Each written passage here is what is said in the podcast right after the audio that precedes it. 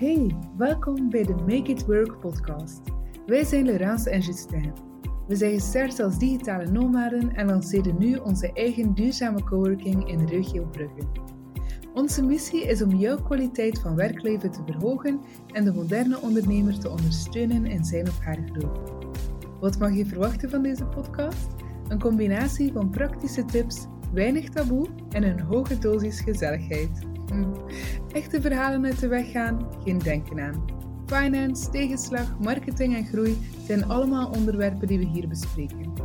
Zorg dat je gezellig zit en maak je klaar om uitgedaagd en aangemoedigd te worden terwijl je leeft.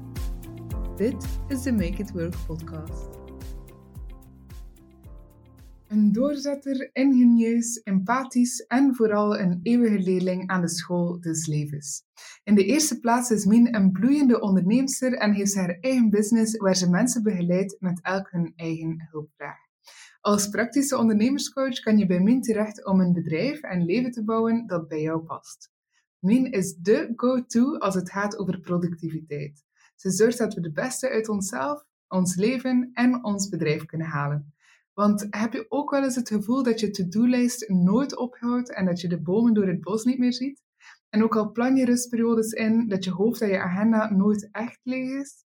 Voel je je soms schuldig als je niet werkt aan je business? Of definieer je de juiste prioriteiten niet die je nodig hebt om je persoonlijke en bedrijfsdoelen te behalen? We gaan samen met Mien op zoek hoe je leven zelf meer in handen hebt, waardoor je afleiding kan weerstaan en meer voldoening ervaart. Hey, dag Mien. Goedemorgen. Goedemorgen. Hey, blij dat ik er ben. Ja, het is En eh, dankjewel voor de mooie intro. Met heel veel plezier, ja. Dat is, eh, dat is eh, heel leuk om jou hier te hebben in onze studio. Ehm, nu, ja, je hebt al een kei interessante weg afgelegd. Eh, we hebben eh, ja, de master in handelsingenieur bij Solvay tot eh, het oprichten van je drie bedrijven. Je hebt tientallen high-achieving ondernemers al, ehm, eh, ja, misschien zelfs al honderdtallen, ehm, ondersteund in hun business. En je hebt niet één, maar binnenkort ook twee boeken gelanceerd. Yes, correct. Super, super impressionant. Maar wil je ons misschien meebrengen naar eh, het begin van jouw verhaal, eh, zodat niet enkel wij, maar ook de luisteraars ehm, jou beter kunnen leren kennen? Yes, heel graag. Dus mijn verhaal is eigenlijk al heel jong begonnen, in die zin dat ik als kind al iemand was die zoveel mogelijk wilde doen. Ik had elke dag verschillende hobby's. Ik ging van hier naar daar en ik vond het vooral leuk als mijn leven heel vol was. En ik ben dan ook handelsingenieur gaan studeren, omdat dat zo'n brede richting was. Ik hoefde geen keuzes te maken, want ik kon er zo alles doen. En zelfs dat was niet genoeg, want ik miste naar de menselijke kant in het verhaal. Dus ik ben op dat moment tijdens mijn studies een vierjarige psychotherapieopleiding gaan volgen. En ondertussen werkte ik ook halftijds bij, een, bij het hoofdkantoor van een grote bank. Dus op dat moment kun je wel wel inbeelden dat mijn leven best vol druk en veel was. En dat ik wel veel behoefte had aan productiviteit en aan time management en dat soort zaken. Want van nature uit ben ik iemand die absoluut onaandachtig door het leven gaat en multitasking fantastisch vindt en een monkey mind heeft dat van hier naar daar gaat en vooral heel veel wil doen. En tegelijkertijd voelde ik dus heel jong dat dat op die manier niet ging werken. En ik ben me dan ook echt beginnen verdiepen in boeken daarover, literatuur daarover, opleidingen daarover, dat soort zaken. En na mijn studie handelsingenieur vond ik ook dat ik nog niet klaar was om te gaan werken. En ik dacht, ik ben iemand die heel veel uit het leven wil halen. Daar is veel energie voor nodig, dus ik ga studeren hoe dat je energie maakt. Dus ik ben nog biochemie gaan bijdoen, maar dat was redelijk theoretisch. Dus daarna ook orthomoleculaire voeding gaan doen, omdat ik daar echt wel in geloof. Hè, het belang van voeding op onze, niet alleen gezondheid, maar ook op onze levensvoldoening. En ben dan beginnen werken, redelijk snel een eigen zaak gestart met twee collega's in fusies en overnames van bedrijven, dus effectief heel financieel gericht. En ook daar miste ik zo de menselijke kant. En ik, ik voelde ook van, ik ben hier zoveel aan het doen, en tegelijkertijd haal ik eigenlijk niet zo heel veel voldoening uit mijn leven. Ik ben vooral heel veel aan het gaan. Mijn leven gaat zo aan mij voorbij. En tijdens een van de coachingopleidingen die ik dan ben beginnen volgen, stelde mijn coach de vraag van, Mien, waar loopt je van weg door zoveel weg te zijn? En welk gat probeert je te vullen door zoveel bezig te zijn? En dat waren twee ontzettend boeiende, maar ook heel confronterende vragen. Dus die hebben mij uiteraard wel aan het denken gezet. En intussen merkte ik in de praktijk, die, die ik uh, toen had, dus ook een groepspraktijk gestart samen met ons mama en mijn zus, uit Endo 3, in coaching, therapie, loopbaanbegeleiding, dat soort zaken. En daar merkte ik vooral mensen die enerzijds richting loopbaan eindigingen en zo zeiden, oh ja, ik, wil, ik heb dit eigenlijk nooit echt bewust gekozen, maar ik ben daar zo wat ingerold. En ja, ik kan toch nu niks, meer, niks anders meer doen. Ik ga bijna op pensioen, het is niet meer de moeite en zo dat. En dat was echt wel een rode draad die ik merkte bij heel veel van de mensen die ik zag. Zo het, het gegeven, ik ben hier maar ingerold. En eigenlijk heel weinig bewust die keuzes gemaakt. Dus die combinatie, dat die twee vragen aan mij werden gesteld en hetgeen dat ik in de praktijk zag, zette mij sowieso al wel aan het denken. En ik zag daar wel ergens een verband. En het boek uh, van Bronnie Ware, de palliatieve verpleegkundige, die een boek heeft geschreven over vijf dingen waar mensen spijt van hebben op hun sterfbed, dat heeft voor mij de doorslag gegeven dat ik dacht, hoe zonde. Dat je dan sterft met spijt, dat je niet meer tijd met je familie, kinderen, vrienden hebt doorgebracht, dat je niet meer voor jezelf hebt durven kiezen, dat je te veel naar verwachtingen van anderen hebt geleefd. En ik denk, waarom wachten tot een sterfgeval, een terminale ziekte, een burn-out, een scheiding, wat dan ook. Hè? Waarom kunnen niet eigenlijk gewoon nu beslissen om je leven 100% zelf in handen te nemen? En daarover ben ik dan mijn eerste boek gaan schrijven, Jouw jaar vol aandacht. En het leuke is dat het moment dat ik in afronding zat daarvan, dus ik ben in de abdij van Averboden een beetje mij gaan afzonderen om dat te finaliseren. En daar zijn voor mij heel veel puzzelstukjes in elkaar gevallen, dat ik zelf voelde van, heel veel van de dingen die ik professioneel tot nu toe doe, ook daar ben ik ingerold. En is eigenlijk niet echt een, een eigen keuze geweest. En ben ik mezelf op dat moment uiteraard ook de vraag gaan stellen van, wat is dan hetgene waar ik echt voldoening uit haal? En dat is effectief zorgen dat mensen, of mensen ondersteunen bij het ten volle benutten van hun potentieel. En van echt hun eigen leven te leiden, hun eigen leven in handen te nemen en durven keuzes te maken die daarbij horen. En dat is dan ook hoe dat mijn derde bedrijf is ontstaan. De life coaching, van waaruit ik inderdaad vooral één op één ondernemers begeleid. En heel dat stuk productiviteit is eigenlijk niet, de, is, is niet het hoofddoel geweest. Dat is eigenlijk en de route gekomen omdat ik voelde, één, dat dat iets was waar ik zelf natuurlijk veel kennis en ervaring in had. Maar twee, vooral doordat mijn klanten zeiden, Amai als je daarover vertelt, je ogen gaan fonkelen, dat is echt wel een sweet spot. En ik heb daar ook heel wat opleidingen over gegeven en elke keer opnieuw kreeg ik die feedback. En dus ik voelde van, hmm, blijkbaar heb ik hier wel iets mee te doen. En dat is het leuke, omdat dat dus een thema is dat heel intuïtief tot bij mij is gekomen, gewoon vanuit een eigen behoefte en niet vanuit een, oh, dat lijkt me een interessant businessmodel. En dat is natuurlijk wel het leuke, dat dat op die manier blijkbaar wel zijn vruchten afwerpt. Want zo zijn heel veel vragen tot bij mij gekomen en voelde ik van, ik heb hier iets rond te doen, ik wil er iets rond doen, ik heb hier ook iets rond te vertellen, dus ik ga een tweede boek schrijven. Exponentieel potentieel, om dus effectief je productiviteit te boosten en om je eigen potentieel volop te benutten. Dus ik hoop dat dat in eh, semi een notendop toch wat meer context en achtergrond geeft.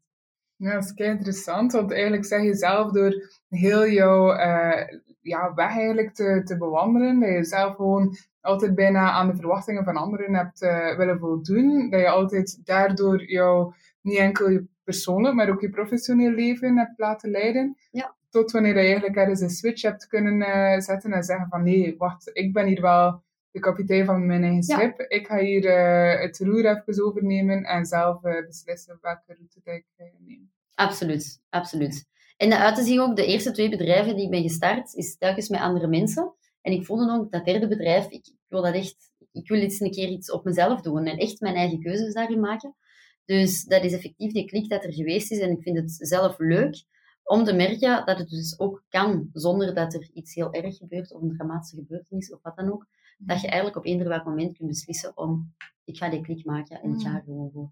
Hmm, dat is wel een belangrijke ook, want inderdaad, je ziet vaak zo mensen die dan plots een super groot ongeval hebben gehad en die dan zeggen, oké, nu weet ik, dat ik heb bijna de, de dood in de ogen gezien, nu weet ik dat ik eigenlijk echt voor mezelf moet leven. Terwijl dat hoeft niet per se. We kunnen eigenlijk vandaag al beslissen over onszelf, om, uh, om ons eigen leven in handen te nemen. Ja, absoluut, absoluut. Ja, super. Ja, um, nu, ja, ik ben natuurlijk benieuwd. Uh, je, hebt, uh, je, hebt zelf daar veel ervaring in, in productiviteit, maar ik merk zelf ook bij mezelf, en ik hoor ook van andere ondernemers, mhm. dat dat een heel groot struikelblok is. Uh, dat ze zelf ook ja, zien dat Oftewel dat er heel veel afleiding is, of um, ja, dat ze zich niet kunnen focussen op hetgene dat ze eigenlijk wel in hun achterhoofd weten wat dat ze moeten doen. Ja. Um, maar dat daar zo twee, drie jaar misschien blijft schemeren. zo, ja. Je hebt altijd zo dat ene iets in je brein dat je weet dat je moet doen, maar dat je eigenlijk toch gewoon omzeilt. En dan toch begint met de was en de plas en, yes. en een nieuwe website bouwen. of uh, wat. Inderdaad. Maar... Um, maar uh, ja, welke, welke valkuilen zie jij misschien meest bij ondernemers uh, als het komt op productiviteit? Zeker bij ondernemers, hè, want ik heb eh, ondertussen inderdaad heel veel met ondernemers gewerkt en ook met niet-ondernemers. En ik merk zeker bij ondernemers, zij zijn zo gericht op groei en vooruitgang in die mate dat ze zichzelf een stukje in de weg zitten. Dus ze willen zo snel gaan en hebben ook echt een drive, dus dat geeft hen ook echt voldoening om, om stappen te zetten. Alleen halen ze weinig voldoening uit het bekijken van de stappen die ze al gezet hebben. Dus ze zijn constant op zoek naar nieuwe stappen en nog meer en nog verder en nog groter. En dat is iets waar ze heel vaak wel tegenaan lopen. Dat ze op die manier effectief zichzelf in de weg zitten. En eh, met een intern conflict zitten. Dus er is die behoefte aan vooruitgang en groei. En anderzijds is er ook die behoefte aan mentale rust. En laat mij gewoon even doen, zodat. Dus die contradictie die, die velen ervaren, merk ik wel dat, dat een grote valkuil is, dat ze zich daar onvoldoende van bewust zijn. En dan vooral, zeker uit maatschappelijk oogpunt, geneigd zijn om toch maar aan dat eerste te voldoen. Dus vooral te blijven gaan en nog meer en nog groter, want dat is ook wat de maatschappij verwacht. En dat is ook ineens iets wat ik bij ondernemers heel veel zie, dat niet alleen hun eigen productiviteit, maar hun bedrijf ook te veel ingericht wordt naar de verwachting van de maatschappij. Dus het is toch heel logisch in een bedrijf dat we altijd maar gaan groeien en meer en meer klanten en nieuwe producten en nieuwe markten en noem maar op. Terwijl ik heb ondertussen al een aantal ondernemers begeleid die eigenlijk door de begeleiding heel bewust kiezen voor minder omzet. En die zeggen, ik ben op zo'n punt gekomen dat het mij te veel energie, tijd en management kost. En ik ben dat gaan doen omdat dat de logische volgende stap was. En omdat dat precies iets is dat in de maatschappij verwacht wordt. Maar eigenlijk voor mezelf, het is goed zoals het is. En het is helemaal prima zo. Dus ik wil eigenlijk zelfs net een stukje kleiner terug worden, minder verantwoordelijkheden, meer mentale rust. Nu, daarmee wil ik niet zeggen dat een groot bedrijf niet gepaard kan gaan met mentale rust, hè, zeker niet. Maar dus de valkuil om ook daarin geen echte heel bewuste keuzes te maken, maar, maar vooral te blijven verder doen en die volgende stappen te zetten. Ik vergelijk dat vaak met een stukje in een relatie, hoe mensen de logische volgende stap is gaan samenwonen, is trouwen, is kindjes krijgen, zonder eigenlijk vaak bewust stil te staan bij de vraag, willen we dit? Willen we samen de rest van ons leven verder? Hè? Zo, we rollen daar ook maar heel vaak in. En dat is dus op bedrijfsvlak ook heel vaak het geval, merk ik. Hmm, ja.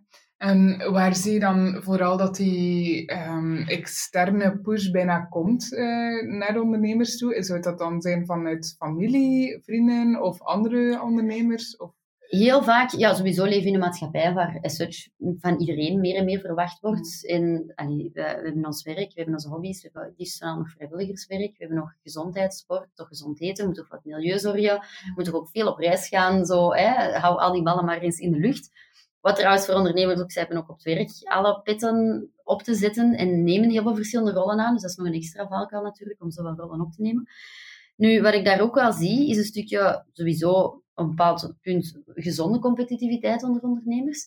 Ehm, en wat ik ondertussen, zeker de laatste maanden, heel veel ben tegengekomen, dat dat komt vanuit de familie, maar in de omgekeerde richting dan dat je misschien zou denken. Niet dat familie zozeer pusht om bepaalde dingen te realiseren, maar het eerder niet gelooft en het bijna een, bewijsdrang wordt. Zo van, of, of de familie die daar heel onzeker over is en oei, ondernemerschap, en zou je dat wel doen? En is, is dat niet veel risico? En dat soort dingen. Dus dat mensen bijna een bewijsrang voelen om te zeggen van ja, maar zie je wel en het kan wel en het is succesvol. Of um, waar het heel vaak over neerkomt, we, zijn, we bespraken het uh, voor de podcast ook nog kort even, is zelfliefde. Uh, mensen die als kind heel vaak de boodschap hebben gekregen dat ze niet goed genoeg zijn of te weinig liefde hebben gekregen van hun ouders en die op deze manier dan proberen eigenlijk nog altijd hun ouders te pleasen. En nog altijd proberen om, ja, maar kijk toch, en ik ben toch succesvol en het lukt toch. En hè, zo op die manier. Wat natuurlijk ook weer niet echt een internetdrijver is, maar meer om waardering, erkenning van anderen te krijgen, van belangrijke partijen in hun leven. En ik zie echt ondernemers van 40, 50, 60 jaar die daar tegenaan lopen. Hè. Dus ik, ik spreek echt niet over een bepaalde leeftijdscategorie, maar het is wel iets dat ik meer en meer begin te zien dat, het, dat er heel wat zijn die het doen om goedkeuring te krijgen van een ouderfiguur. Dus ik hmm. vind dat toch heel frappant eigenlijk. Ja, dat is wel eh, een interessante visie ook. En, en ook wel herkenbaar, denk ik, voor velen. Uh, ja. Er is dat inderdaad uh, zo verwoord. Nu, in jouw nieuw boek, Exponentieel Potentieel, mm die komt uit midden november 2021, bijna. Yes. Hij gaat volgende week de druk op. Ja, heel spannend. Um, mega. Um, nu, je geeft daar vijf handvatten. Um, niet enkel om productiever te werken, maar ook om productiever te leven. Yes. Kan je ons daar meer over vertellen? Kan je ons uh, alle, ja, de, de vijf handvatten eigenlijk uh, toelichten? En uh, ik ben kei benieuwd. Met veel plezier. Dus inderdaad, hè, het, mijn, mijn tagline is daarin een, een stukje van productief werken naar productief leven omdat ik vind en geloof dat we productiviteit veel, vaak, veel te vaak alleen maar bekijken vanuit meer werken en harder werken. Om op die manier meer gedaan te krijgen. En voor mij gaat het in de eerste plaats ook over meer leven. Dus efficiënter, effectiever werken om meer te leven. En dat is ondertussen een beweging die je al vaker ziet in literatuur, in podcasts, in, in dingen die daarover te vinden zijn. Een volgende stap die ik daarin zet met het boek is, het gaat niet alleen over efficiënter, effectiever werken om meer te kunnen leven, maar hoe kunnen ook de dingen verminderen die aanvoelen als werk? Dus hoe kunnen veel meer wijgenleven indelen op zo'n manier dat het effectief niet voelt als werk? Ik heb mijn, voor mijn boek ben ik drie weken in Portugal gaan schrijven. En ik, heb daar technisch gezien zot productief gewerkt. Het voelt echt alsof ik vakantie heb gehad. En ik zei toen ook tegen mijn partner, eigenlijk, als ik nu de rest van mijn leven op pensioen zou zijn, ik zou dit doen. Dit is mijn lang leven, hier word ik gelukkig van, dit vind ik leuk om te doen. En dat is wat ik dus iedereen gun, om veel meer op die manier dingen te kunnen doen die dat je echt blij maken, waar je met plezier voorop staat. En de dingen die dan aanvoelen als werk, die zo efficiënt en effectief mogelijk doen, zo slim mogelijk doen, om uiteraard daarnaast heel veel meer tijd en ruimte te hebben voor de dingen waar je gelukkig van wordt. Dus productief vooral die dingen doen die voor jou waarde brengen. En dat is voor iedereen anders. En is iets waar we heel vaak niet weten van onszelf. Dus daar start het uiteraard al. Hè. Dus ook niet toevallig start het boek met uh, het hoofdstuk Tell Me Why. Zo van, ja, waarom? Waar doe ik het voor? Wat is er voor mij belangrijk? Wat wil ik bereiken door meer productief te zijn? Um, wat zijn mijn waarden? Wat vind ik belangrijk in mijn leven? Wat geeft er mij voldoening? Dat soort dingen. En dat sluit dan ineens aan bij de eerste pijler, bij het eerste handvat, wat strategische focus is. En strategische focus betekent voor mij heel helder weten waar dat je ja wilt zeggen en waar je nee op wilt zeggen. Dus ja zeggen op de dingen die voor u belangrijk zijn, de dingen die er echt toe doen. En ik vergelijk dat een stukje met helikopterview. Dus eigenlijk uitzoomen en vanuit een, een rustig oogpunt een keer kijken naar oké, het overzicht en wat, wat, wat, wat brengt dit mij, wat is er belangrijk voor mij. Dat is iets dat we sowieso heel weinig doen natuurlijk. Ja. En van nature uit, ik moet mezelf ertoe echt verplichten, of het komt er niet van en ik blijf maar gaan. Dus dat vind ik ook het leuke aan heel dit boek, is dat ik alle dingen nog altijd zelf herken. Dus het is niet voor niets dat het logo van mijn bedrijf een lemniscaat is, oneindigheidsteken. Al dat soort dingen is, eeuwigdurend. Persoonlijke ontwikkeling is eeuwigdurend. Hè. Dat is iets om uh, continu aandacht voor te hebben. Dus ik, ik herken het zeker nog bij mezelf, maar het belang van die strategische focus is echt wel om heel goed te blijven weten waarom doen we dit. Waarom ben ik dit aan het doen? Hoe draagt dit nog bij tot datgene wat voor mij belangrijk is? En dat begint uiteraard heel high level met uw waarden en de dingen die jou voldoening geven. En dat kristalliseert zich meer en meer uit naar, oké, welke doelen stel ik mezelf dan, die daartoe bijdragen, die voor mij belangrijk zijn. En hoe linkt mijn to-do-lijst met mijn doelen? Ik kan heel regelmatig mijn to-do-lijst bekijken en denken, oké, aan welk doel kan ik dit koppelen? Als ik het aan geen van mijn doelen kan koppelen, kan ik het dan schrappen.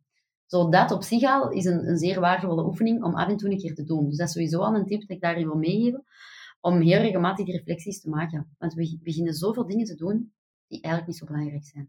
Mhm. En ik hou, ik, ik, hou van voorbeelden, dus ik ga een, eh, een voorbeeldje geven. Um, ik, had, ik ging mijn poetshulp stopzetten en ik kreeg een mail van het bureau om mijn sleutel te komen halen. Ja, die lag nog op het, uh, op het kantoor. Dus ik begin direct te kijken in Google Maps, hoe ver dat rijden is, in mijn agenda, wanneer het ergens zou passen om een keer langs te rijden. En ineens maak ik mij de bedenking, drie kwartier rijden, enkel rit voor een sleutel, die ik niet mis en niet nodig heb. Dus ik stuur terug naar het bureau, kunnen die niet met de post opsturen? Nee, dat mogen we niet doen, maar we kunnen hem wel naar het kantoor dichterbij brengen. Dat is nog altijd een kwartier rijden.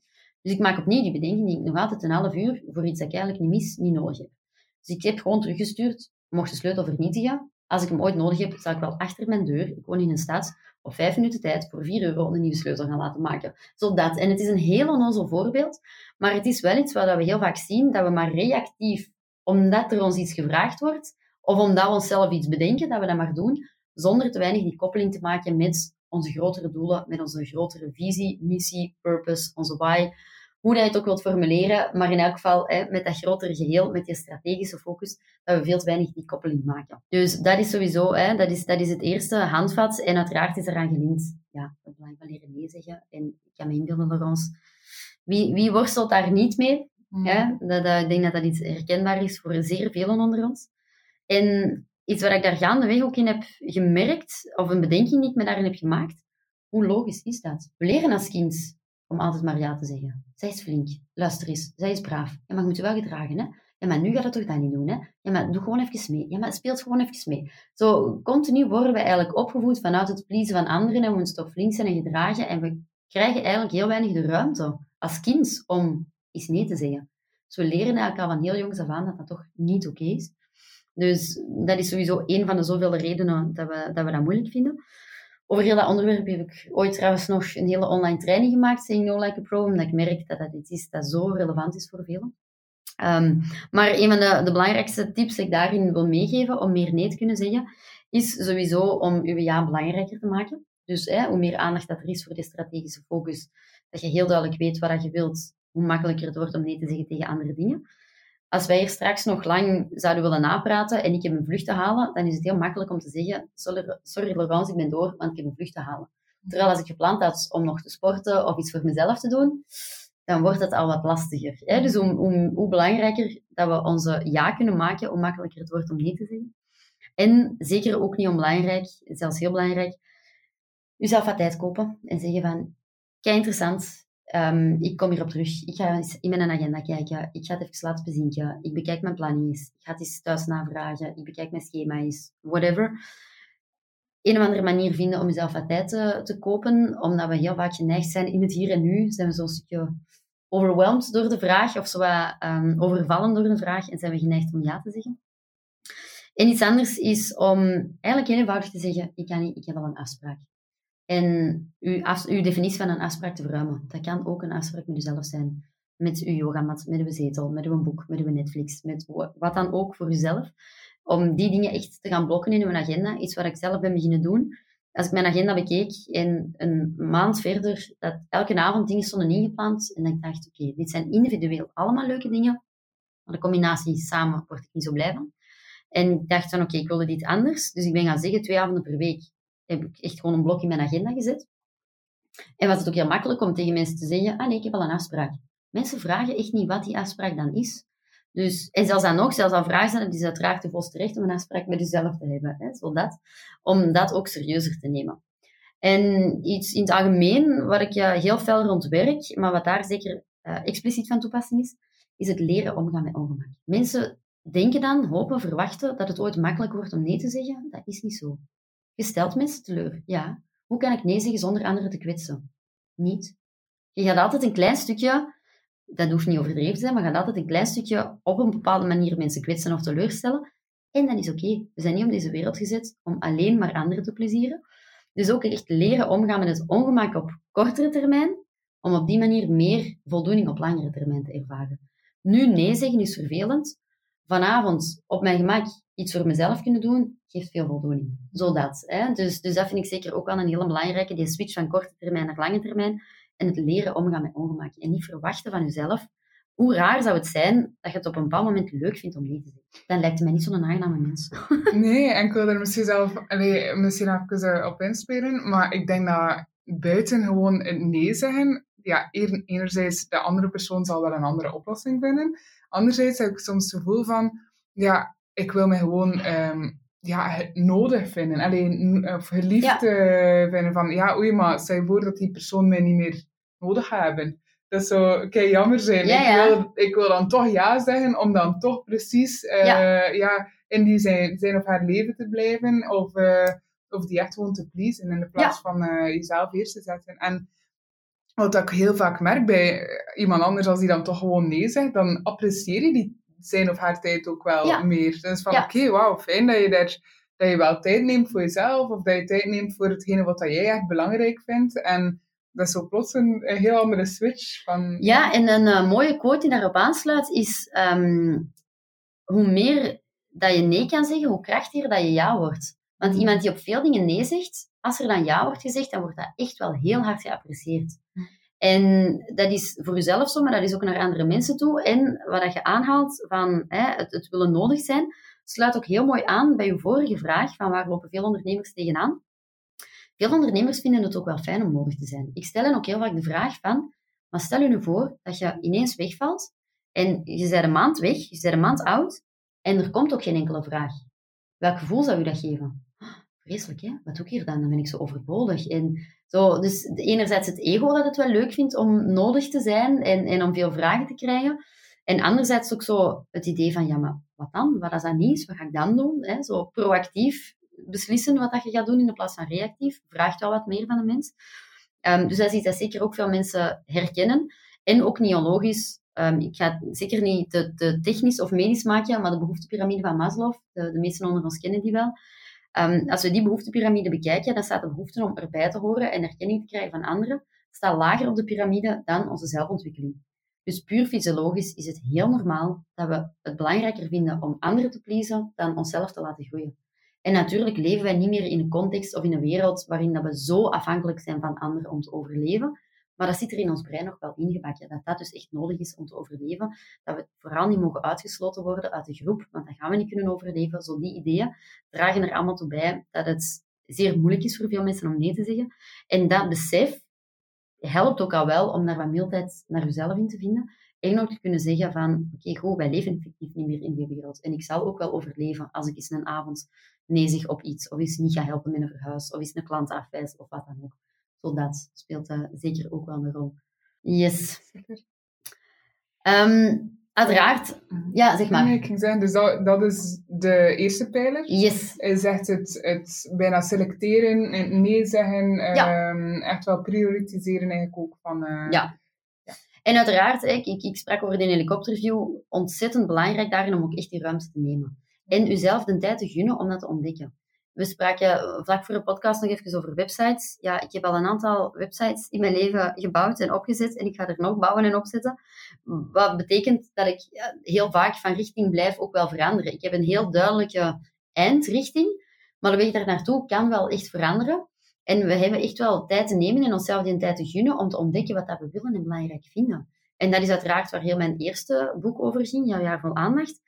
Net omdat ik geloof dat dat iets is waar we veel te weinig tijd voor nemen. Mensen verwachten dan, als ze op twee gesprekken zijn geweest bij mij, ik weet nog altijd niet wat ik wil. Ik denk, ja, hoe raar zou dat zijn? We zijn daar 30, 35 jaar niet mee bezig geweest. En ineens verwachten nu, op een week of twee tijd, dat je het allemaal weet en allemaal helder hebt. Zodat ook die mildheid naar jezelf vinden en echt tijd maken om je strategische focus te kunnen aannemen, is een heel cruciaal belang. Hm. En uiteraard, die strategische focus, allemaal goed en wel, daar zijn we weinig mee als we ook geen operationele focus kunnen vinden. Dus waar strategische focus meer een helikopterview is, is operationele focus meer de tunnelvisie. Dus, um, en effectief even in een tunnel gaan en alle andere dingen afsluiten. Gaat voor mij enerzijds over het verminderen van afleiding en het leren omgaan met afleiding. En anderzijds over het verhogen van uw focus. En focus in de zin van in het hier en nu op de taak die dat je aan het doen bent en op de doelstellingen die je jezelf hebt gesteld en op het finaliseren van hun to-do-lijst. En het verminderen van afleiding, ja, heel veel mensen eh, overschatten de externe afleiding en onderschatten de interne afleiding. Dus ik nodig mensen niet uit om eens een keer te gaan turven hoeveel dat ze zijn afgeleid door iets extern, als in een notificatie of iemand die binnenkomt of belt of wat dan ook, en hoe vaak ze zijn afgeleid door iets intern. Ah, ik mag dat niet vergeten. Ah, wat gaan we nu vanavond eten? Ah ja, dat restaurant nog boeken. Ah, die cadeau. Ah ja, maar wacht. Oeh, en die presentatie ging ik dat niet maken. Zo, dat soort dingen. En ik merk het bij mezelf ook. Elke keer als ik een stukje vastzit met een taak, niet goed weet hoe of wat verder, ja, dan gaat mijn brein van alle kanten uit. En dan begin ik van alle andere dingen te bedenken die ik kan doen. Um, heb ik ook de neiging om mijn gsm te nemen. En dan is het dus niet mijn gsm die mij afleidt. Dan is het mijn eigen trigger die mij afleidt. Wat betreft die externe afleiding, dat kun je vaak echt wel verminderen door letterlijk je deur dicht te doen, door je notificaties af te zetten. Ik vind dat frappant dat ik dat nog altijd zo vaak heb te herhalen. Want in mijn model van de wereld weet iedereen dat ondertussen toch al, hoe schadelijk al die notificaties zijn. Je gsm veel vaker op stilzetten, vliegtuigstand opzetten, zelfs afzetten. Ik start heel vaak mijn dagen offline, om op die manier heel weinig prikkels binnen te krijgen en vooral op mijn eigen dingen te kunnen blijven richten. Um, dus het, heel duidelijke afspraken maken met mensen wanneer je wel en niet bereikbaar bent, dat soort zaken, kan echt wel heel veel doen om die externe afleiding te gaan verminderen. Wat betreft de interne afleiding, die kunnen we niet zozeer verminderen, in die zin dat de mensen het ook wel leuk vinden om afgeleid te zijn. We zoeken eigenlijk continu naar afleiding, omdat dat voor ons brein constant nieuwe prikkels zijn die ons helpen in onze overleving. Dus wij scannen constant de omgeving van, is nog veilig, is alles oké? Dus wij zijn constant op zoek naar nieuwe informatie, omdat nieuwe informatie ons effectief helpt. Zeker vanuit de, de oertijds en uh, die, uh, die periode was dat heel functioneel en heel nuttig. Uiteraard is dat minder het geval, maar dat, dat werkt wel door. En vandaar dat we die interne afleiding, we gaan er continu naar op zoek, dus dat is veel moeilijker om die te gaan verminderen. Dus daar gaat het bij mij vooral over, hoe kan ik daarmee omgaan? En niet van mezelf verwachten dat ik niet meer afgeleid ben. Dat is zo'n stukje zoals bij meditatie. Mensen die verwachten dat ze niet meer gaan denken. Daar gaat meditatie niet over. Meditatie gaat over heel vaak aan iets anders denken en u elke keer sneller en sneller bewust worden van het feit dat je aan iets anders denkt en uw aandacht terughalen. En eigenlijk komt dat voor mij heel sterk neer op focussen. Namelijk jezelf bewust worden dat uw gedachten ergens anders naartoe gaan en ze dan terugbrengen naar de taak. En hoe kun je dan omgaan met die interne afleiding, is door vooral heel veel te noteren. Dus in de plaats van te denken, ah, ik ga die mail ineens sturen, dan vergeet ik het niet. Ik zet dat kort. Ik heb altijd een bloknoot naast mij liggen als ik aan het werken ben. Of mijn Google Keep. Of een fantastische app, BrainTos, waarin dat je een voice message kunt inspreken. Dat wordt naar uw mail gestuurd. Niet alleen het geluid, maar ook in tekstvorm omgezet. Dus dat is heel handig. Hè, voor ook mensen die zeggen, ik zit in een auto of ik ben onderweg en ik denk aan iets. Op die manier kun je dat eigenlijk heel makkelijk en veilig gaan noteren en gaan bijhouden. En daardoor hoeft je er niet meer aan te denken in het moment zelf. Wat gebeurt er in het hier en nu door het gesprek dat we hebben en ik denk aan iets vanavond of morgen of volgende week, dan gaat mijn brein heel dat denken niet vergeten, niet vergeten, niet vergeten, waardoor ik niet meer met mijn volle aandacht in dit gesprek zit. Dus heel vaak in gesprekken met klanten kan ik ook echt zeggen, ik ga even iets noteren, anders gaat dat in mijn hoofd blijven zitten. Zodat. Dus dat is een manier, een van de beste manieren om met interne afleiding om te gaan. En hoe dat je dan met dat lijstje omgaat, dat is voor voor de derde pijler en uh, het derde handvat. Maar nog heel kort over het verhogen van focus. Hè. Uiteraard staan er in het boek heel wat tips over hoe dat je dat kunt doen. Ehm, een belangrijke daarin is veel meer tijd gaan inzetten. Dus een timer gaan zetten, om op die manier je tijd ook schaarser te maken. Ik vergelijk taken en, en veel dingen die we doen heel vaak met een gas, dat neemt de ruimte die niet krijgt. Als jij zegt, ik heb nu een hele dag voor dat rapport, dan zal dat een hele dag duren. Als je zegt, ik ga dat hier op drie uur doen, dan zul je 80, 90 procent om die drie uur gedaan hebben. Zodat. Dus veel meer in, in tijdsblokken gaan werken. Nee, zeg maar. Ja, ja, ja nee. Um, dat was bijvoorbeeld, uh, nu zondag had ik mijn eerste kwartriathlon gedaan. Ja. En um, daar wordt ook de tijd getimed dat je neemt om je om te kleden. Ja. Dus uh, je hebt de wisselzone en je, je begint te zwemmen, je komt toe in de wisselzone daar moet je vlug omkleden om dan in je fietstenu te kruipen. Je vertrekt op je fiets, je moet je omkleden en dan vertrek je om te lopen. Ook weer andere schoenen enzovoort. Maar um, op dat moment dat je dan binnenkomt in die wisselzone, ja, dan is dat alle gas geven, alles uit zo snel mogelijk. Je hebt natuurlijk een trisuit eronder hè, om, om ja. ja. de hele wedstrijd al door te doen. Maar er zijn accessoires dat je oftewel weg moet doen, oftewel ja, aan moet doen. Um, maar ongelooflijk hoe snel dat je dat eigenlijk wel doet, terwijl dat je weet, als je in de, ja, tijdens de training of tijdens gewoon het dagdagelijkse leven je omkleedt, ja, dan, dan duurt dat en duurt dat en duurt dat. Soms een half uur, soms, ja, um, maar daar ging dat uh, binnen een minuut en een half was dat ja, klaar, want je weet, ja, dat staat hier op tijd. Maar ik heb hier eigenlijk maar zo weinig, ja, zo weinig tijd en dat, dan neemt af van mijn tijd dat, ja, dat ik effectief een triathlon aan ja, ja. Dus um, ja, om dat effectief dan te timen is wel confronterend. en uh, zorg je wel dat je, dat je meer zetten heeft. Uh, en eh, echt chapeau voor de kwartriathlon trouwens. En ik denk dat weinig mensen dat op zich gaan herkennen. Maar ik vind het een heel sprekend voorbeeld. En, uh, en, en heel uit de praktijk. En iets anders uit de praktijk dat veel mensen herkennen is ja, voor vakantie. Hè. Hoe productief word je voor je vakantie, omdat je dat en dat en dat nog allemaal wilt gedaan krijgen en je weet dat een tijd beperkt is, want er is geen volgende week, want volgende week is het vakantie, zodat. Um, dus dat is vooral ook kunnen die urgency voor jezelf meer creëren, zonder dat je zelf uiteraard onder stress gaat zetten. Hè? Want dat, dat hoeft ook niet de bedoeling te zijn om um, wanneer ik mij s'morgens aankleed, dat dat per definitie al een race tegen de klok is. Hè. Um, dus dat is altijd zo wat dat evenwicht daar uiteraard in vinden. Maar het zijn inderdaad heel duidelijke voorbeelden van welke impact het heeft als je voor jezelf bepaalt hoeveel tijd dat iets krijgt. En hoe meer dat je die timer ook visueel kunt instellen, dat je echt hè, weet van oké, okay, um, ik heb nog zoveel tijd om dat te doen, dat houdt je veel meer bij de les. Dus je gaat eigenlijk een stukje schaarste in je eigen tijd creëren. Um, en schaarste, dat vergelijk je dan weer met een tube tandpasta ja, hoe minder dat daarin zit naar het einde toe, hoe zuiniger dat je dat gaat gebruiken. Want je hebt toch geen zin om naar de kelder te gaan en nieuwe tuben te gaan halen. Dus uh, zo gaat het op die manier ook je tijd schaarser maken. En dat helpt absoluut om je focus veel helderder te krijgen. En om veel meer gefocust te kunnen blijven op datgene waar je mee bezig bent. Dus uh, yes. Ja, want daar straks ook even over die manifestatie, of dat je echt wel bijna zelf die doelen zetten. Dat je zegt, oké, ja, nu in oktober wil ik, of ja, in november pakt, eh, wil ik mijn eerste werknemster, of wil ik eerst, ja, op de dag dat je het dan effectief zet, zorg je wel dat het gebeurt, want je hebt dat voor jezelf wel gedefinieerd. Ja. ja. En dan plots gebeurt dat ook effectief. Ja, inderdaad. En daar wil ik even aan toevoegen, dat is een stukje los van de vijf pijlers, maar het is wel een verzuchting die ik heel vaak hoor bij, um, bij eigenlijk bijna iedereen. Alleen bij veel mensen, ik wil niet zeggen bij een specifieke doelgroep of zo, um, is zo het stuk van, ja, maar ik wil vooral wel flexibel blijven en niet alles volplannen. En ik wil open-minded blijven voor de kansen en opportuniteiten die op mijn pad komen. Um, dus daarom hou ik niet van zo'n strategische focus, hou ik niet van doelen stellen, want dat dwingt mij te veel in een keurslijf. En ik kan dat enerzijds helemaal begrijpen, omdat ik het zelf ook wel een stukje herken. Anderzijds ga je op die manier nooit bereiken wat je wilt bereiken en waar je echt voldoening uit haalt. Dus het is voor mij een evenwicht vinden tussen beide en eigenlijk op een heel flexibele manier omgaan met de doelen die je zelf stelt. En um, vooral kijken naar wat is, wat is de eindrichting die ik uit wil. En de manier waarop ik daar ga geraken kan misschien wel veranderen. En ik, dat is ook net de uitnodiging om regelmatig die strategische focus terug aan te nemen van ben ik nog met de juiste dingen bezig?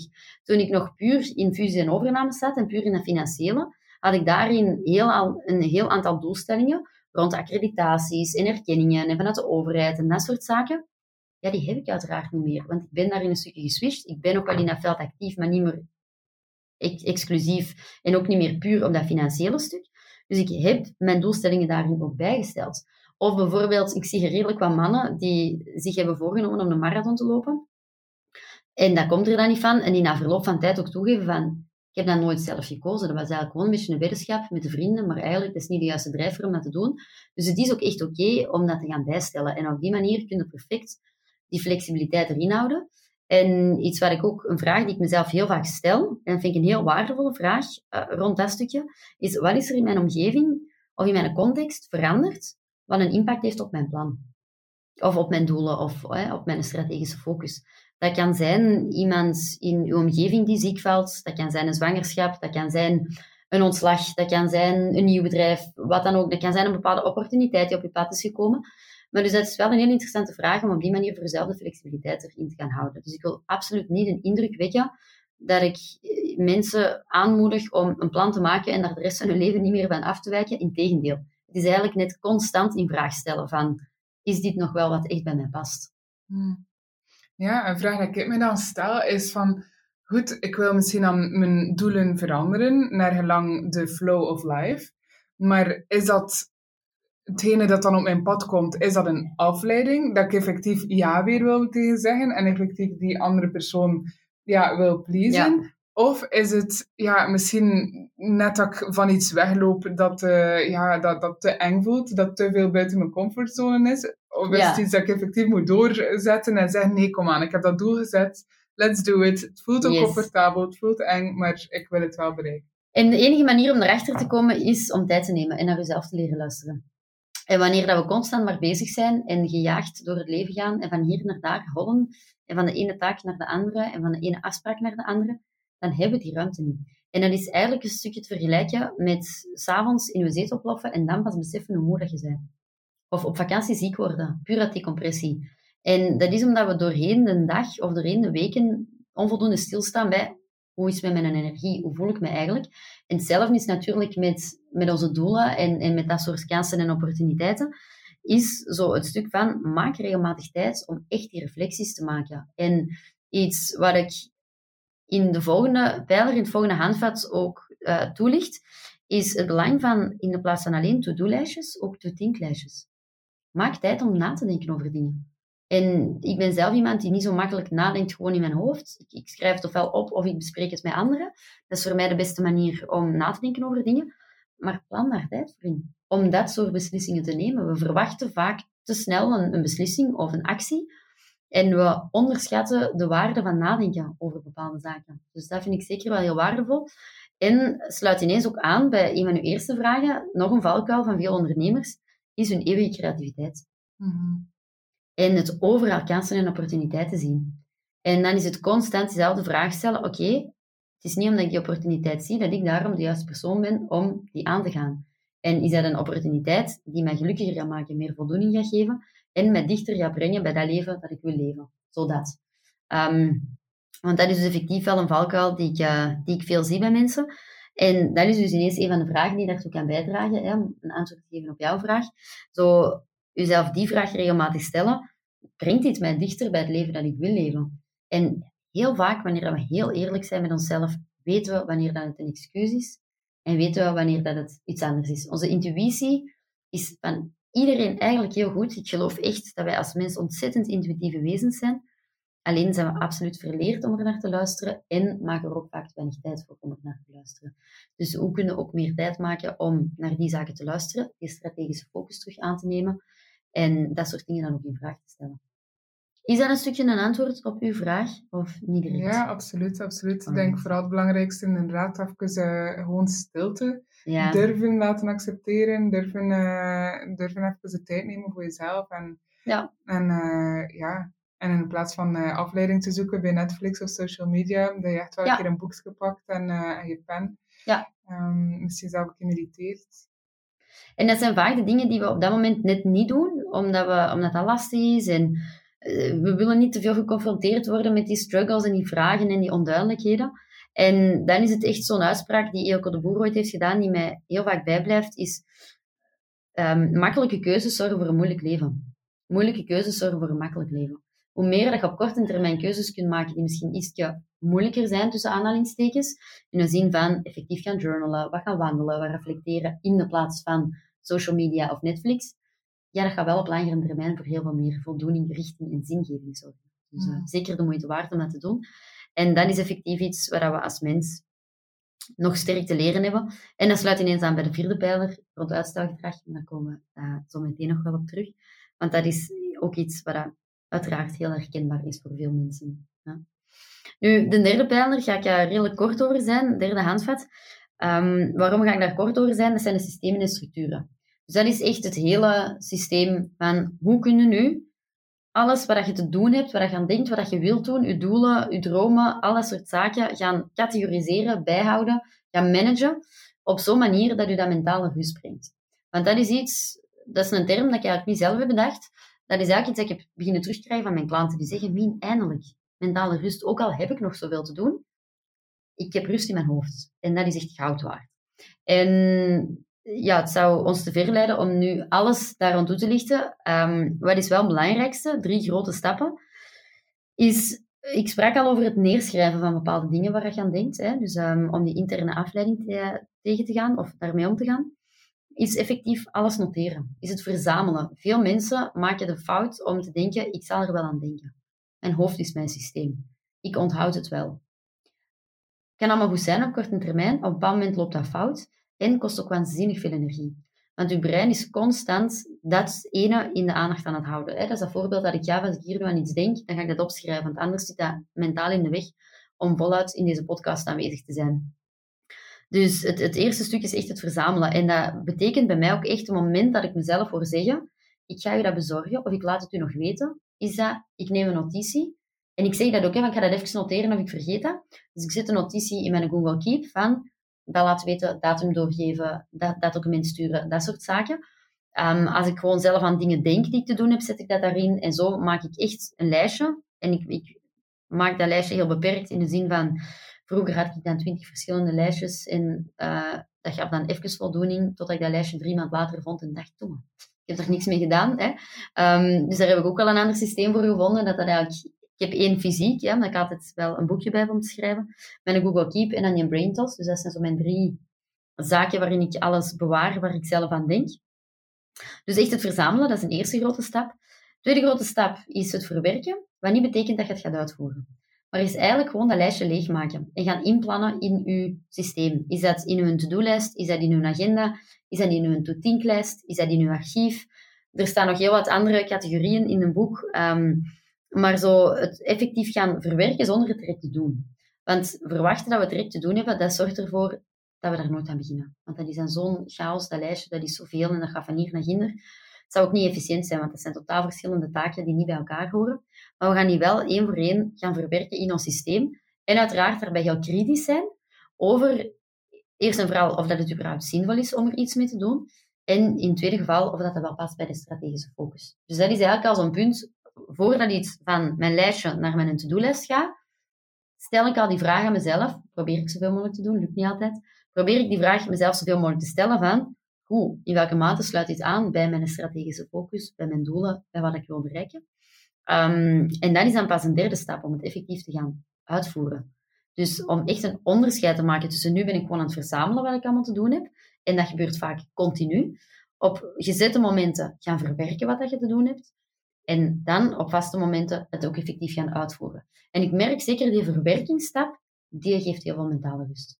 Dus als je bijvoorbeeld zegt van na een lange dag en je hebt de neiging om gewoon je laptop dicht te gooien en aan een avond te beginnen, kan ik je echt, echt alleen maar uitnodigen om nog heel even tijd te nemen. Dat kan soms op een minuutje gebeuren. Maar om even te checken van wat staat er hier nog in mijn lijstje en wat zijn de prangende dingen. Die ga ik morgen als eerste doen. Waardoor dat je de dag erna ook veel efficiënter en effectiever kunt starten, want je weet direct wat het belangrijkste is om te doen. En dat geeft ook die rust die nodig is om s'avonds echt te kunnen ontspannen. Mhm. Want dat is iets waar ik het soms wat moeilijk mee heb, op social media en dergelijke, hè, waarin de nadruk wordt gelegd op moet meer voor jezelf zorgen en meer niets doen en hè, avondjes voor jezelf nemen en yoga en sauna en in bad gaan en dat soort zaken. Ik zeg niet dat ik daar niet mee eens ben. Alleen wat merk ik uit de praktijk, ik heb in het verleden ook heel veel burn-out begeleiding gedaan, dat die mensen ook allemaal zeggen, ik, ja, dat lukt gewoon niet. Ik kan dan wel in bad gaan zitten, maar ik geniet niet van dat bad, want ik ben heel tijd aan het denken aan alles wat ik te doen heb. En zo dat. En vandaar dat dat verwerken voor mij zo'n belangrijke stap is, omdat dat verwerken ervoor zorgt dat je ook effectief kunt genieten van die dingen die je dan gepland hebt. Hm. Dus voor alle duidelijkheid, ik zeg niet dat je al die dingen niet mocht doen, hè, in bad gaan en, en de sauna en, en met vrienden afspreken, dat soort dingen.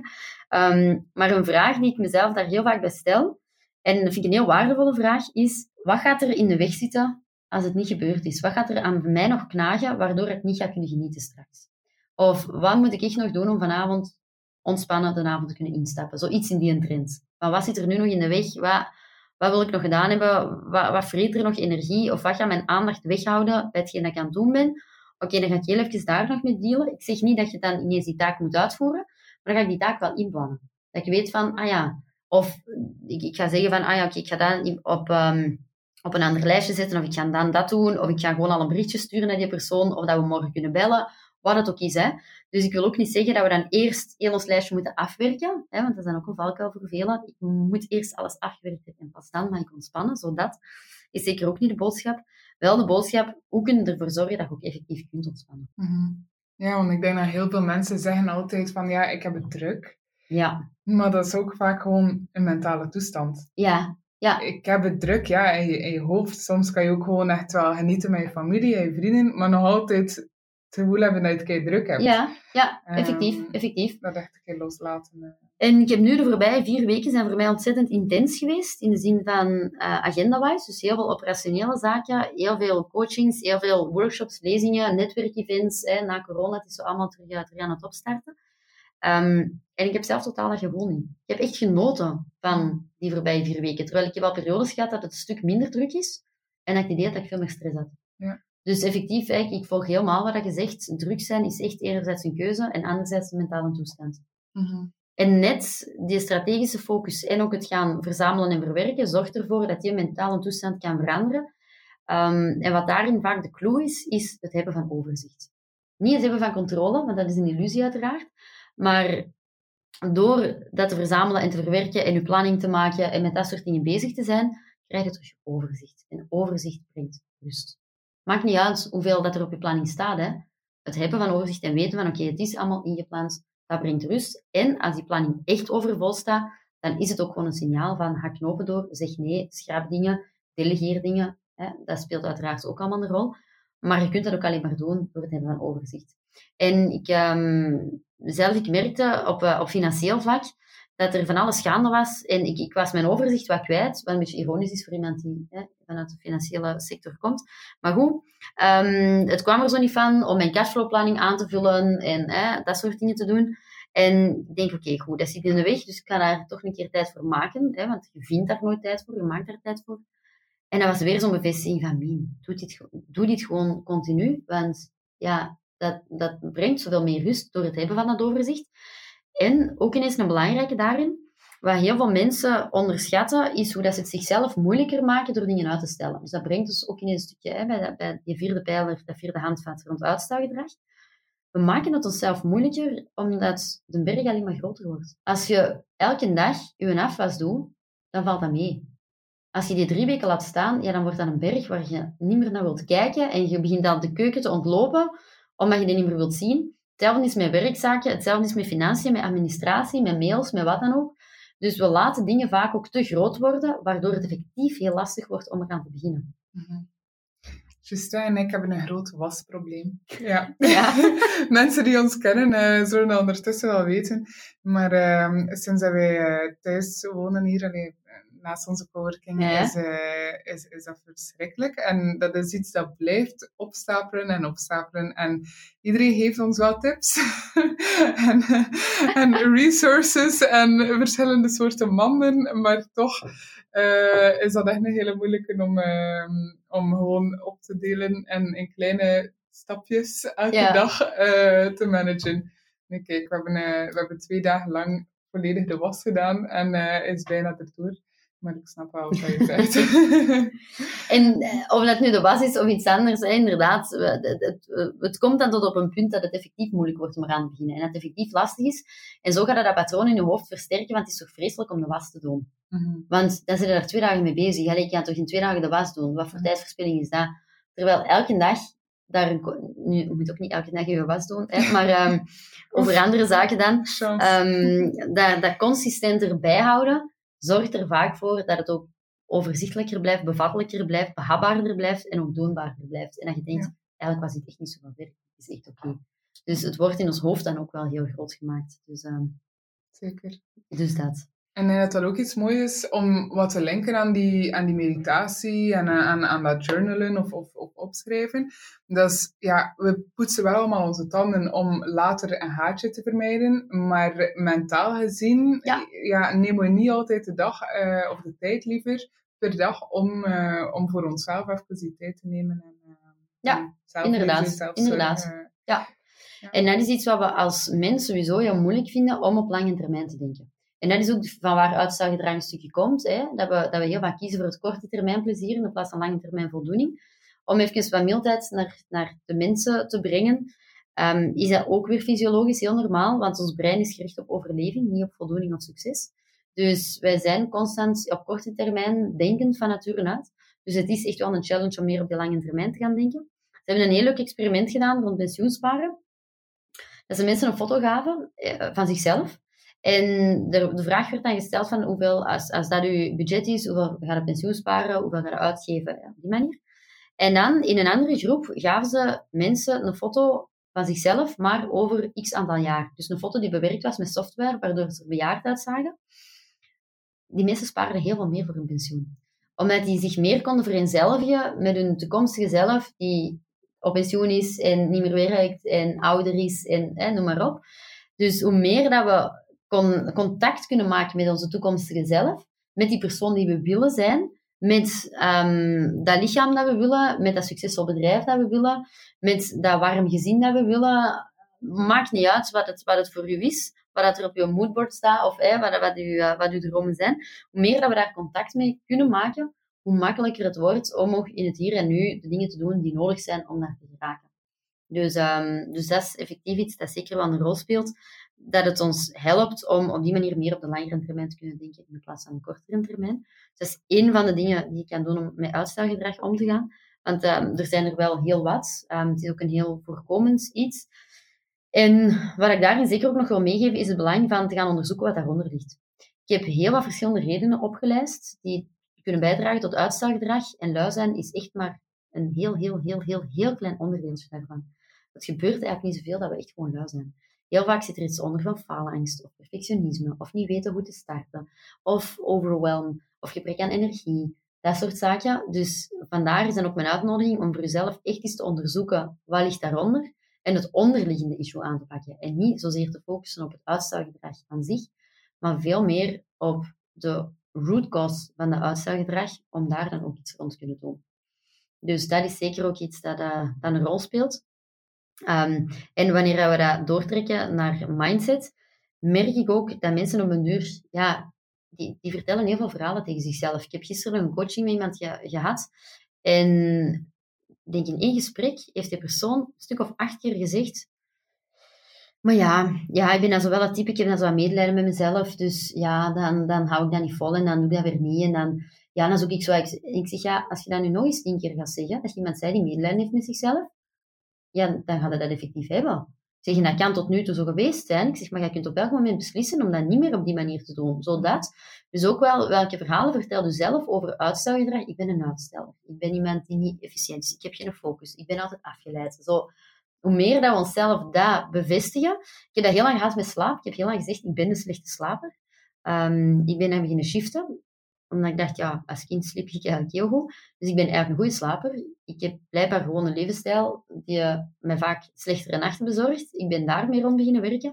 En ondertussen slaap ik ook veel beter. En als ik nu een slechte nacht heb, noem ik dat ook echt gewoon als een slechte nacht. En niet als, zie je wel, ik ben een slechte slaper. Mm -hmm. Zodat, hè, dus ook heel dat, dat mentale gebeuren daarin speelt een hele grote rol. Um, en vraagt heel veel bewustzijn. En dan komen we weer terug op het stukje uitzoomen, tijd nemen, helikopterview aannemen, reflectiemomenten inbouwen om u van dat soort dingen ook allemaal bewust te kunnen worden. Mhm. Want daar start het dan mee. Hè? Als je niet weet dat gaan bloeien zijn, kun je ook geen plakker kleven. Dus eerst de bewustwording is nodig om er dan iets mee te kunnen doen. Dus geef ook eens ruimte aan uw uitstelgedrag. En iets wat ook vaak onderschat wordt in uitstelgedrag, dat vind ik ook zeker nog wel een belangrijke om mee te geven, is dat uitstelgedrag ook een heel krachtig signaal kan zijn. Ik merkte dat ik bepaalde, in mijn eerste bedrijf dat ik bepaalde dossiers altijd maar bleef uitstellen. En dat is voor mij op een bepaald moment wel een signaal geweest van, ja, misschien is dat ook wel gewoon mijn ding niet zoveel. En dan heb ik het over de puur financiële dossiers, waar, waar weinig andere zaken bij komen kijken. Ja, dus ik ben ook meer en meer gaan toegeven aan mezelf. Van, ja, dat is misschien toch niet helemaal het ding. Wat best lastig was, want ik had ondertussen, hè, ik ben toch handelsingenieur en ik heb er toch een reputatie in opgebouwd. Hè. Ik heb mij zo gebrand en mensen kennen mij zo en noem maar op. Hè. Dus dat is, uh, dat, dat, is zeker niet per se een makkelijk proces geweest. Um, maar neem je uitslaggedrag soms ook echt wel serieus. Als je altijd dezelfde dingen blijft uitstellen, misschien is het echt wel uw ding niet. En als het dingen zijn die wel moeten gebeuren, ja, kijk dan of dat jij wel de juiste persoon zou moeten doen. Dus ook het hè, kunnen delegeren en uitbesteden van dingen. En ook al is dat misschien... Ik, ik wil eigenlijk zo snel mogelijk iemand die kookt. Ik hecht heel veel belang aan gezond eten, aan gezonde voeding. Dat is, ook ineens hè, de, um, nog een belangrijke pijler rond energie. Dus ik hecht daar heel veel belang aan. Maar ik kook zelf niet graag. Voor mij is dat in alle andere dingen die ik kan doen in mijn leven, staat dat niet op één. En ik zie dat meer als een functioneel iets. Dus ik haal as such weinig voldoening uit koken. Misschien eens een keer, maar niet op dagelijkse basis. En goed, dat is in onze maatschappij misschien wel raar om iemand te hebben die kookt voor u, maar voor mij is dat wel ja, een belangrijke. Dus dat is ook iets wat ik zo snel mogelijk ga doen. Um, dus ook dat, wat zijn de dingen die je uitstelt en wat leert u dat over wat je wel en niet wilt? Hoe draagt dat bij tot inzichten over je strategische focus, waar je ja en nee op wilt zeggen? En dat vind ik leuk, dat alle verschillende pijlers en handvatten ook wel met elkaar gelinkt zijn, uiteraard. Um, dus vandaar zeker ook te kijken naar, oké, wat, wat leer ik eigenlijk uit mijn uitstelling? In plaats van alleen maar boos te zijn op jezelf en ik heb weer niet gedaan en zo. Mm -hmm. En zo het, het, idee van het niet doen maakt het lastiger. Want dan voel je ook heel lastig dat je het niet aan het doen bent. Ja. Dus dat is ook wel, om het dan gewoon te doen, is soms ook wel het, het ding van... En een hele mooie quote daarin is zo... Sommige dingen zijn niet leuk om nu te doen, maar wel om straks gedaan te hebben. En dat is iets dat ik mij heel vaak probeer voor de geest te halen van, ik heb er nu geen zin in, maar hoe groot gaat de voldoening zijn als het straks gedaan is? Hoe ga ik mij voelen als dat gedaan is? En het leuke is om dan te merken dat heel veel dingen echt wel meevallen. Dus zeker niet onbelangrijk bij uitstelgedrag om het ook effectief te gaan doen. En u veel meer voor te stellen welk gevoel het u gaat geven als je het wel gedaan hebt. En dat is echt iets wat ik gaandeweg heb geleerd om mij veel meer echt visueel, mentaal voor te stellen van uh, welk gevoel ga ik straks hebben als ik wel ben gaan sporten. Als ik wel die telefoon heb gevoerd, als ik wel die offerte heb uitgestuurd, zodat. En ik doe nu ook echt mijn ogen dicht, terwijl de, de, de luisteraars zien dat natuurlijk niet. Maar ik doe ook echt mijn ogen dicht als ik dat vertel, omdat, omdat het daar echt over gaat. Uzelf veel meer in contact laten komen met het gevoel, het resultaat dat er gaat zijn als het wel gebeurd is. In de plaats van die korte termijn ongemak of, of uit de comfortzone gaan, dat soort zaken. In plaats van daar alleen maar aandacht voor te hebben, vooral aandacht hebben voor wat als het wel gebeurd is. Of een heel bewuste keuze maken om iets niet te doen. Maar niet ermee in je hoofd blijven hangen en zo. Ja. Want ik kan ook echt mezelf dingen voornemen en ik voel het is mijn dag niet. Dan kan ik ook echt wel... En dat blijft een proces, voor alle duidelijkheid, vind ik nog lastig.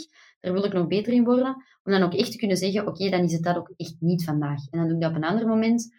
Um, maar zo blijven hangen in dat niemandsland van, ik ben niet echt iets nuttig aan het doen, maar ik ben ook niet echt aan het genieten, want ik moet eigenlijk van alles doen. Zoals dat, ja, dat is nu echt een van de grootste. Er zijn weinig dingen voor mij die tijdverspilling zijn. Want zolang dat je geniet van dingen, is niks tijdverspilling. Maar dat is nu echt iets dat voor mij tijdverspilling is. Ja. Wat ik trouwens ook nog een mooie quote vind. Hè? Time you enjoy wasting is not wasted time. Zo, hè? Dus uh, als we genieten van dingen, dan verspillen we nooit tijd. Uh, vind ik ook nog wel een mooie, maar wat. Um, dus dat stukje van hè, gezond eten, hè, wat ik dus zeker belangrijk vind, eh, brengt ons ineens bij die vijfde pijler, dat vijfde handvat rond energie. Ja, alles wat we tot nu toe besproken hebben, Laurence, gooit dat in de vuilbak als je geen energie hebt. Dat is nu echt zo fundamenteel. Eigenlijk zijn heel veel tips weinig relevant als je niet over iets van basisenergie beschikt. En energie wordt heel vaak enkel bekeken op het vlak van fysieke dingen, zoals um, voeding, beweging en slapen. Wat ik uiteraard belangrijk vind, waar ik ook de, de aandacht aan besteed en heel wat tips rondgeef. Voor mij gaat dat ook nog wel een stukje verder dan dat, in de zin van mentaal-emotioneel. Mentaal gaat het ook over je richten op dingen waar je impact op hebt.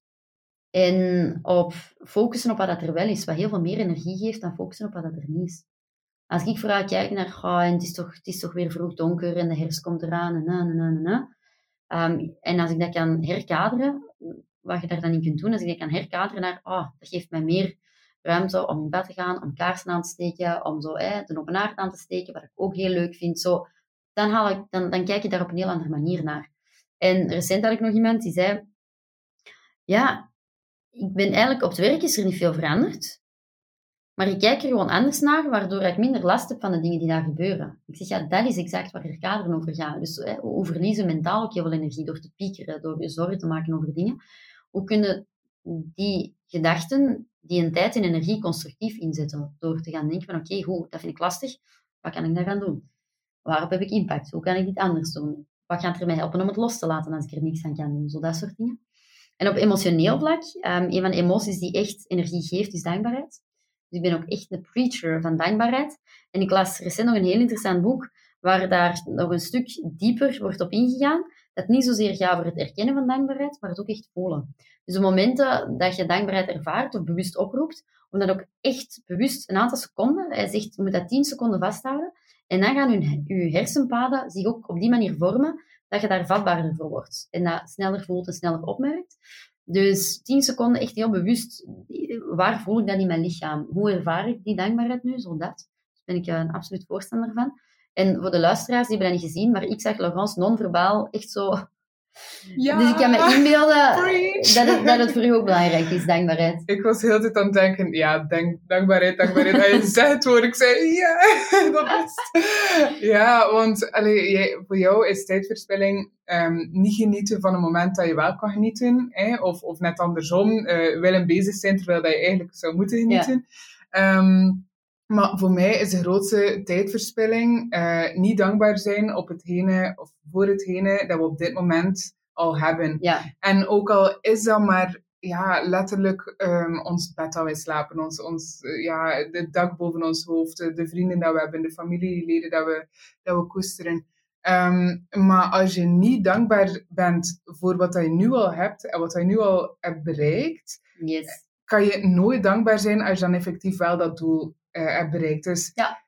De, ja, dat is, dat is voor mij echt wel... En zo komt ineens tot, tot een, een struggle die ik bij heel veel ervaren, bij mezelf ook al een stukje herken, is het altijd meer willen en eigenlijk weinig... Um, vol, niet, nee, voldoening is niet het juiste woord, maar onvoldoende stilstaan en terugkijken van oké, maar wat is er eigenlijk al wel? En als ik mijn leven vergelijk met dat van vijf jaar geleden, dan zou ik vijf jaar geleden heel blij zijn om te zien waar ik nu sta, zo dat verhaal. En daarin nodig ik mensen altijd uit om het als een en-en verhaal te zien. Want mensen hebben dan schrik als ze dat gaan doen, dat, dat ze niet meer vooruit gaan gaan. Dat ze zo gaan denken, maar het is toch goed genoeg. En het kan de twee zijn. Het kan voor nu goed genoeg zijn en je kunt ondertussen dromen hebben om nog verder te geraken. Mm-hmm. Maar dat hoeft niet te betekenen dat je in het hier en nu niet dankbaar kunt zijn, effectief voor de stappen die je al gezet hebt. Mm-hmm. En um, iets anders wat daarin een rol speelt, is om ook, en, en daar wil ik echt met eigenlijk alles wat in het boek ook omschreven staat, wat ik hier ook zeg en, wat ik doe, toe uitnodigen om mensen veel meer bewust te maken om vooral te leren genieten van het onderweg zijn. En ik kan voor mezelf echt zeggen van, ik ben nog niet waar ik wil zijn, maar ik geniet zo van het feit dat ik stappen aan het zetten ben in die richting. Dat op zich geeft mij al voldoening. En als dat, dat eindpunt, hè, dat zal wel altijd opschuiven waarschijnlijk. Want uw standaarden verhogen, uw leven verandert en de maatschappij verandert. En, dus dat op zich, ik heb geen vast eindpunt. En ik heb het losgelaten dat ik ergens moet zijn om gelukkig te zijn. Ik heb echt geleerd om vooral heel veel voldoening te halen door heel vaak te beseffen dat ik aan het bouwen ben aan mijn eigen droomleven. En dat kan soms in heel kleine dingen zitten. Hè? En dat kan ook zijn een dag dat je zegt, maar het zit rammenvol en het is gewoon operationeel van hier naar daar en de ene meeting naar de andere meeting dan kan dat soms 30 seconden zijn van ik ga gewoon eens een paar ideeën neerschrijven voor die website of dat plan of dat business idee of, of wat dan ook. Hè. Dat kan al genoeg zijn om te weten, oké, maar ik heb toch iets gedaan vandaag voor mezelf of voor het droomleven of voor. Hè. En dat besef, voor mij, brengt as such al heel veel voldoening. En dat helpt mij echt om te genieten van het onderweg zijn en daar veel meer voldoening uit te halen dan voldoening te halen uit het resultaat. Mm-hmm. Dus, um, Absoluut. En dan, dan linkt dat ook wel aan dat druk bezig zijn. Ja, maar Ja. als dat druk bezig zijn effectief ook in lijn ligt met, ehm, ja, met, met die doelen, dan kan het ook even zijn van, wow, ik ben kei dankbaar, ik heb het gewoon druk. Of ik heb, Ja. mijn, ik heb mijn dag gevuld met dingen die mij echt wel vooruit helpen. Dus ja, super. Ik ben kei dankbaar dat, ik, dat dat druk is. Liever Inderdaad. zo. inderdaad. Ja. Inderdaad. En ik heb dat nu bijvoorbeeld, ik, ik heb eh, net gezegd dat de voorbije vier weken heel intens zijn geweest op dat vlak. Ik ben daar oprecht dankbaar voor, want het, het sluit allemaal aan, het brengt mij allemaal dichter bij waar ik wil geraken. En tegelijkertijd ook het besef, oké, voor nu is dat prima, en voor bepaalde periodes is dat prima. Dit is geen duurzame agenda management voor mij, of, of geen duurzaam iets.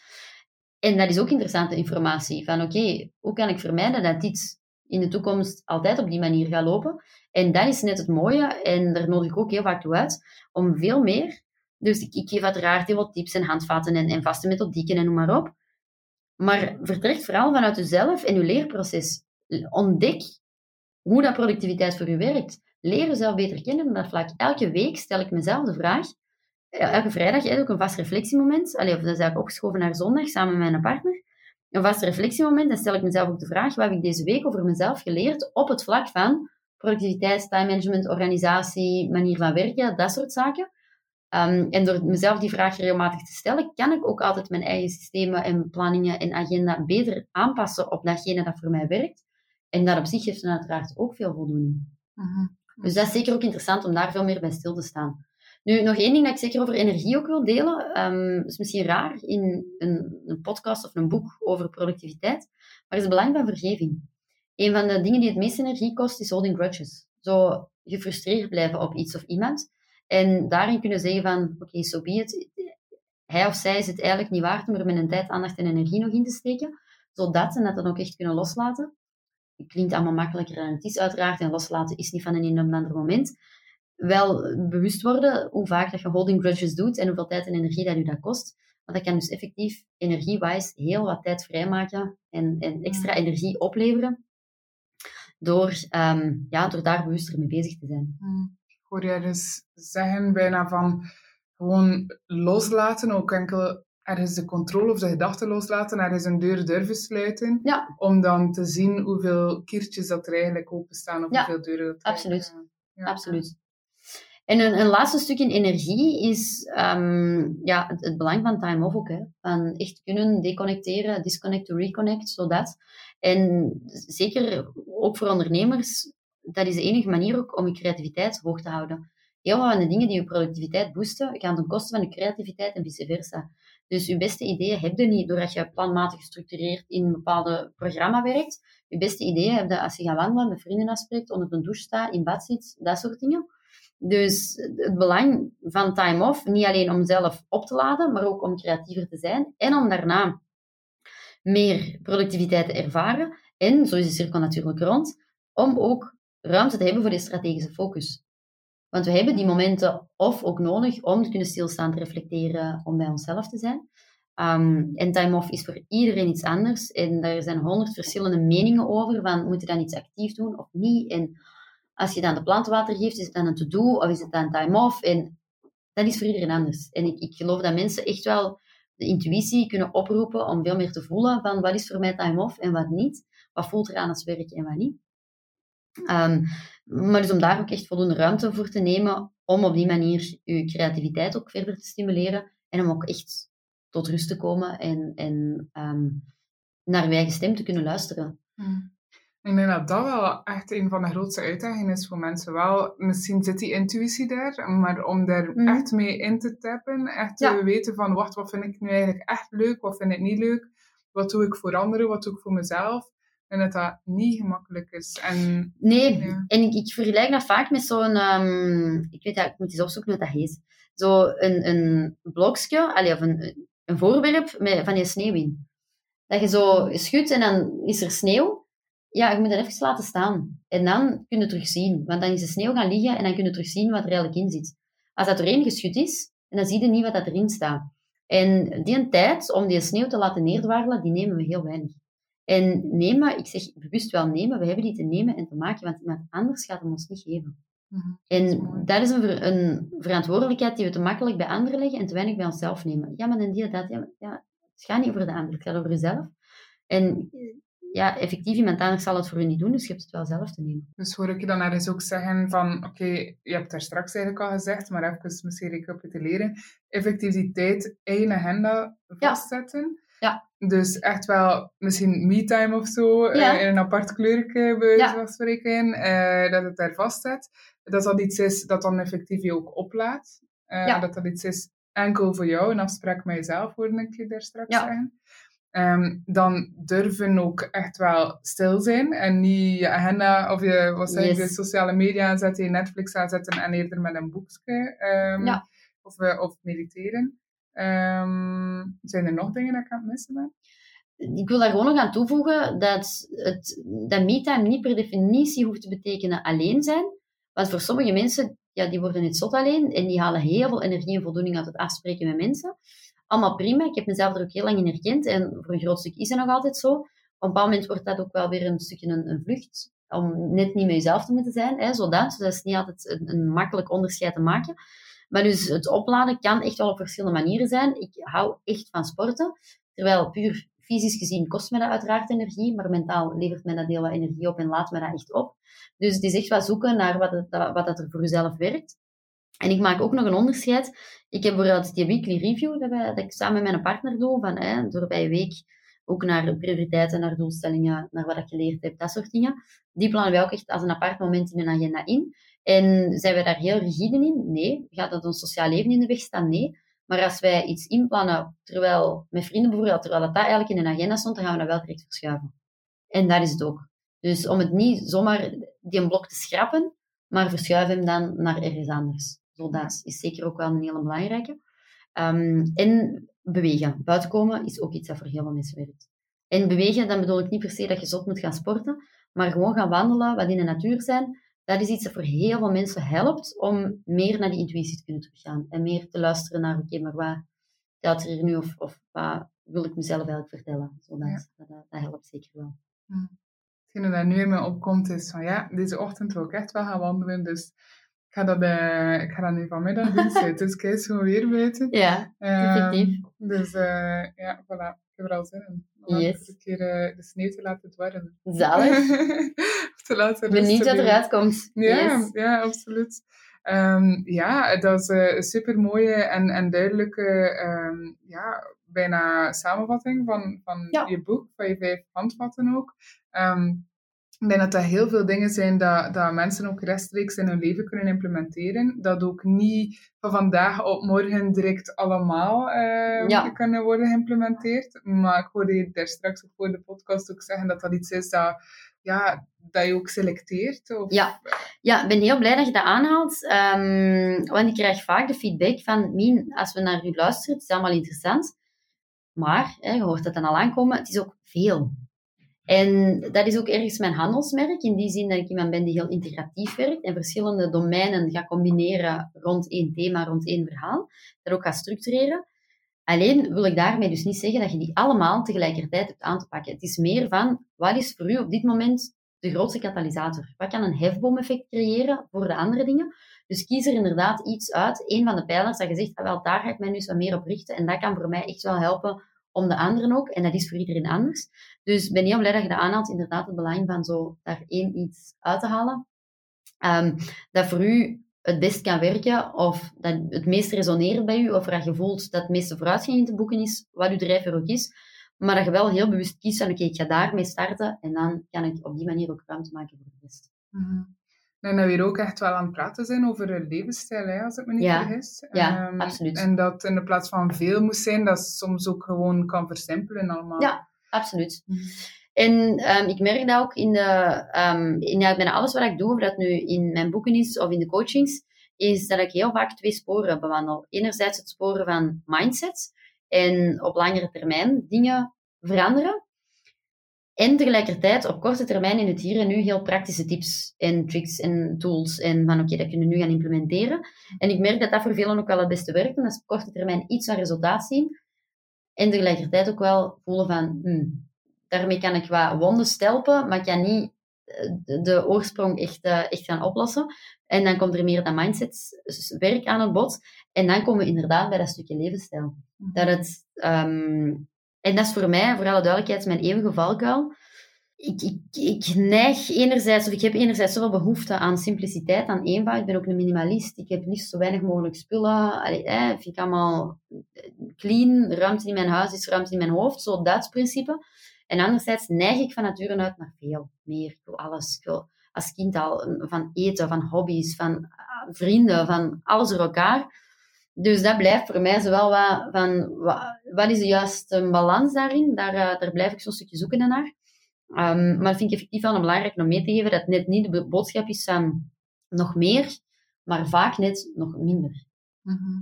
Mhm. En schrappen en durven keuzes maken en durven afbakenen. Mhm. Door eigenlijk bijna meer nee te zeggen, creëer je meer diepgang in je leven, meer Ja. kwaliteit. Absoluut. Mhm. En dat is een shift die ik voel, die ik al ontzettend hard gemaakt heb en nog meer aan het maken ben, is van kwantiteit naar kwaliteit. Ja. Van verbreding naar verdieping. Dat is zo echt wel een shift. En ik zeg, ik ben hem nog altijd aan het maken, dus dat, dat blijft wel een proces, wat ook logisch is. Um, maar dat is zo wel een thema dat vaak terugkomt bij mij. Zowel voor mezelf als de mensen met wie ik werk, voor alle duidelijkheid. Dus, Dank je wel om dat allemaal te delen met ons. met heel veel plezier. Dankjewel dat ik dit mag delen. Ik vind dit fantastisch. De tijd vliegt. Ik verschoot er ook van dat we Dat al zo bezig waren. Ja, ja. Dus uh, met heel veel plezier. Waar eh, kunnen mensen jou vinden? Dat zullen we ook zetten in de Yes. show notes. Sowieso op Instagram, hoewel ik daar een hele policy rond heb, want altijd online zijn, hè, dat, dat draagt natuurlijk niet echt bij tot productiviteit. Hè, dus, um, maar ik deel daar wel regelmatig tips en ideeën en mijn eigen struggles en dat soort dingen. En dat is meengijzens.livegoal. En daarnaast inderdaad exponentieelpotentieel.be. Daar kun je op dit moment het boek pre-orderen, maar vanaf dat het boek ook effectief is, gaat op die website nog heel veel meer te vinden zijn. Nog heel wat inspiratie, resources, tips, blogs, systemen, dat soort zaken. Fantastisch. En uiteraard connecteren via LinkedIn kan ook altijd Gijzens. Super. Fantastisch, dat is, uh, dat is een, een, plek om allemaal naartoe te gaan. Um, de go-to voor, uh, voor productiviteit en zoveel meer. En niet enkel productief uh, werken, maar ook productief leven. Yes. Ik heb er alvast superveel van opgestoken, enkel en alleen al door gewoon met jou te praten. Dus ik kan al niet wachten om het, om het drie of vier keer her, te herbeluisteren. want dat is ook niet enkel kwantiteit, maar kwaliteit. Wat ja. we consumeren van, van content. Um, dus um, voilà, uh, bij deze sluiten we onze podcast van vandaag af. En, um, Langs mijn kant ook nog eens ontzettend dankjewel dat ik dit mag doen hier. Tot 25 november. Yes, dankjewel. Alright. We geven je een virtuele high five omdat je net geluisterd hebt naar een aflevering van de Make It Work podcast. Ging dat ook veel te snel voor jou? Voor een korte samenvatting ga naar boracoworking.com podcast. Dit betekent de wereld voor ons mocht je een review achterlaten op iTunes, want enkel zo weten wij wat je ervan vond en kunnen we onze boodschap delen naar een grotere groep moderne ondernemers zoals jou. We wensen jou alvast een kei productieve en fijne dag. Tot de volgende. Let's make it work. Let's make it work, baby. Let's make it work.